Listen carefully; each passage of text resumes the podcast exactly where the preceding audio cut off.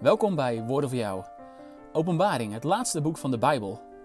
Een boek wat lastig is, maar waarbij we ons ook af moeten vragen: wat wil de Heer daarmee tot ons zeggen? Daar wil ik met jullie naar luisteren, ook in deze aflevering. Welkom in weer een nieuwe aflevering van Woorden voor jou. In eerdere afleveringen hebben we geluisterd naar de brief aan de gemeente van Efeze en naar de brief aan de gemeente in Smyrna. Misschien heb je die aflevering nog niet beluisterd, dan kun je het altijd nog doen. En nu als uh, derde luister naar de brief aan de gemeente in Pergamum. De meest noordelijke van de gemeentes die genoemd worden in, deze, in dit Bijbelboek. En ja, ze lagen allemaal in uh, Turkije. En ze liggen in een soort van cirkel. En Pergamum ligt bovenaan. Laten we luisteren naar Openbaring 2, vers 12 tot 17. En ik schrijf aan de engel van de gemeente die aan Pergamus is. Dit zegt hij, die het tweesnijdend scherp zwaard heeft. Ik weet uw werken en waar u woont, namelijk waar de troon van de Satan is. En u houdt mijn naam, en u hebt mijn geloof niet verlogend. Ook in die dagen waarin Antipas mijn getrouwe getuige was, welke gedood is bij u, waar de Satan woont. Maar ik heb enige weinige dingen tegen u, dat u daar hebt die de lering van Balaam houden, die Balak leerde de kinderen van Israël een aanstoot voor te werpen dat zij zouden afgodenoffer eten en hoereren. Zo hebt u er ook die de lering van de Nicolaïten houden, het welk ik haat. Bekeer u, en zo niet, ik zal haastig bij u komen en zal tegen een oorlog voeren met het zwaard van mijn mond. Die oren heeft, die horen wat de geest tot de gemeente zegt. Die overwint, ik zal hem geven te eten van het zwaard dat verborgen is. En ik zal hem geven een witte keursteen, en op de keursteen een nieuwe naam geschreven, die niemand kent dan die hem ontvangt.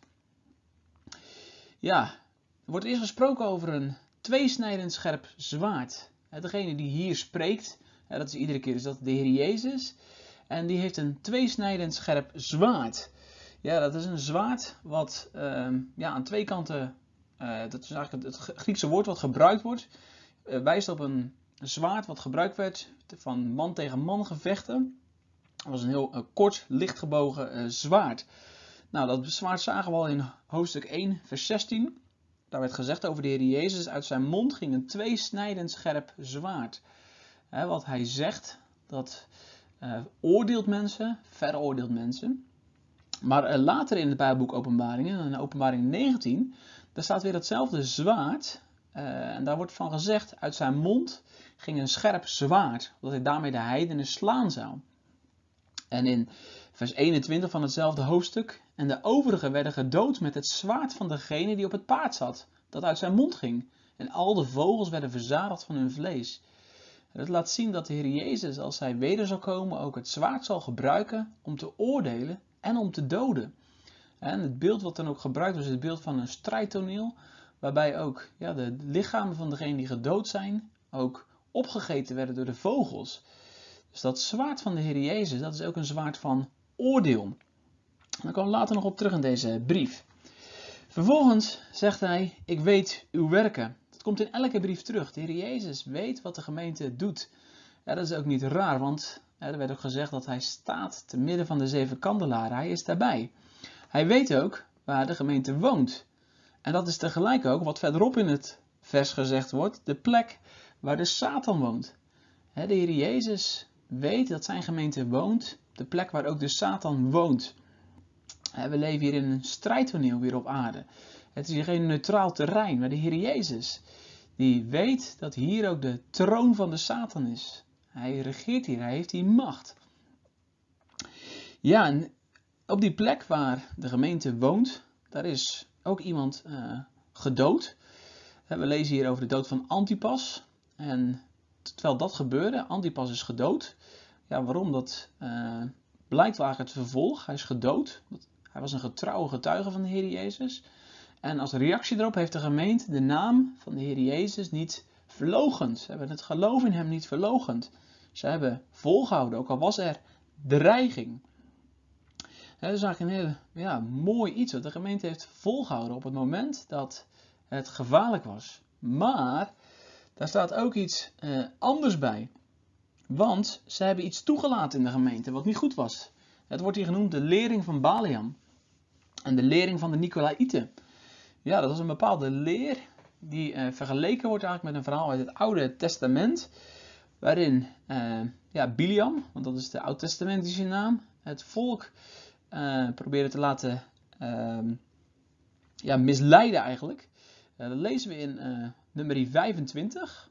Daar lezen we eigenlijk wat er gebeurde, of het gevolg eigenlijk van wat Biliam en Balak deden. Israël verbleef te Sittim en het volk begon te hoereren met de dochters van de Moabieten. En zij nodigde het volk tot het slachtoffers van haar goden en het volk at en boog zich voor haar goden. Dus eigenlijk wat er gebeurd was, is dat het volk uh, afgodenoffers ging eten en daarmee ook andere goden ging dienen. Geestelijk overspel ging plegen, geestelijke hoererij. Ja, en hoe ging dat dan in uh, Pergamum? Nou, er waren heel veel afgodstempels. En waarschijnlijk gingen de mensen ook in die afgodstempels gewoon uh, vlees eten, terwijl er hele grote heidense feesten waren. Uh, ja, en er waren mensen die dat wel oké vonden. Die dat wel prima vonden. Als je een beetje ja, van de afgodenoffers at, dat was toch niet zo'n heel groot probleem.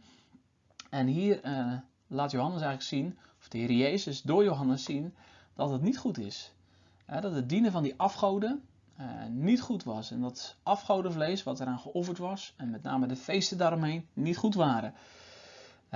Paulus zegt op een gegeven moment dat het voor de gemeente ja, niet zoveel uitmaakt als ze afgodenoffers eten, maar dat gaat wel als ze dat thuis doen. Maar hier gaat het echt over het afgods, uh, afgodenoffers eten in uh, tempels. Ja, en dan is er maar één uh, oplossing. En dat is bekeer u. En ja, als je dat niet doet, dan zal de Heer Jezus komen en oorlog voeren. dus het komen van de Heer Jezus kan ook een, er, is ook een, zit ook een kant aan van oordeel. er staat hier, ik zal haastig bij u komen. Dus dat wordt tegen de gemeente gezegd, dat de Heer Jezus zal komen. En ik zal tegen hen oorlog voeren. dat gaat dan met name tegen die Nicolaïten, die die verkeerde leer brachten. Die de Heer Jezus niet echt erkend hebben als hun zaligmaker. En die andere goden gediend hebben. Ja, en dan wordt daar ook weer gesproken over dat uh, zwaard, wat we in vers 12 ook zagen. Dat uh, zwaard waarmee hij ook de heidenen zal oordelen. Het zwaard van het gericht. Ja, dan opnieuw, net als in alle andere brieven, die oren heeft, die horen wat de geest tot de gemeente zegt. Een bemoediging voor degenen die zullen overwinnen, die zullen volhouden. En daar worden drie dingen over gezegd, over die mensen die vol zullen houden. Het eerste is dat ze zullen eten van het manna. Ja, eerst werd er gesproken over het eten van het afgodenoffer. Hier wordt gesproken over het eten van het manna. Dat was namelijk het eten wat het volk in de woestijn kreeg. Ze kregen het manna uit de hemel dat, uh, ja, dat geestelijke voedsel. ze zullen voedsel krijgen van de Heer. Ze zullen ook een witte keursteen krijgen. Ja, het is niet helemaal duidelijk wat daar precies mee bedoeld uh, wordt. Waarschijnlijk was het zo. In Pergamum werden vooral donkere stenen gebruikt in gebouwen. En werden witte stenen gebruikt om inscripties, ja, dingen te noteren. Um, en ja, waarschijnlijk wordt daarna verwezen naar zo'n witte steen waarop dan iets uh, geschreven werd. En wat wordt er dan opgeschreven? Nou, er wordt een nieuwe naam opgeschreven. Een naam, ja, denk bijvoorbeeld aan Abraham en Sarah. Ze heette eerst Abraham en Sarai. En ze kregen een nieuwe naam als, teken van uh, ja, het nieuwe dat God zou geven. Ze zouden een kind krijgen. En zo is die nieuwe naam eigenlijk het teken van nieuw uh, leven, van het nieuwe leven met uh, de Heer. ja, in het boek Openbaring wordt er zelf verder niet heel veel over gesproken, over die nieuwe naam wordt wel gesproken over de naam van de Heer Jezus, over de naam van de Vader, de naam van het Lam, maar niet over die nieuwe naam. Dus daarom moeten we terug naar het Oude Testament. En daar wordt gesproken over de heidenen, die zullen uw gerechtigheid zien, dat is de gerechtigheid van Sion. En alle koningen uw heerlijkheid. En u zult met een nieuwe naam genoemd worden, die de mond van de Heer uitdrukkelijk noemen zal. Dus daar zie je ook weer die nieuwe naam maken als ja, symbool van een nieuw leven. iedereen die overwint, die zal een nieuw leven krijgen met de Heere. Als teken ook van zijn nieuwe toekomst. wat een heerlijk perspectief.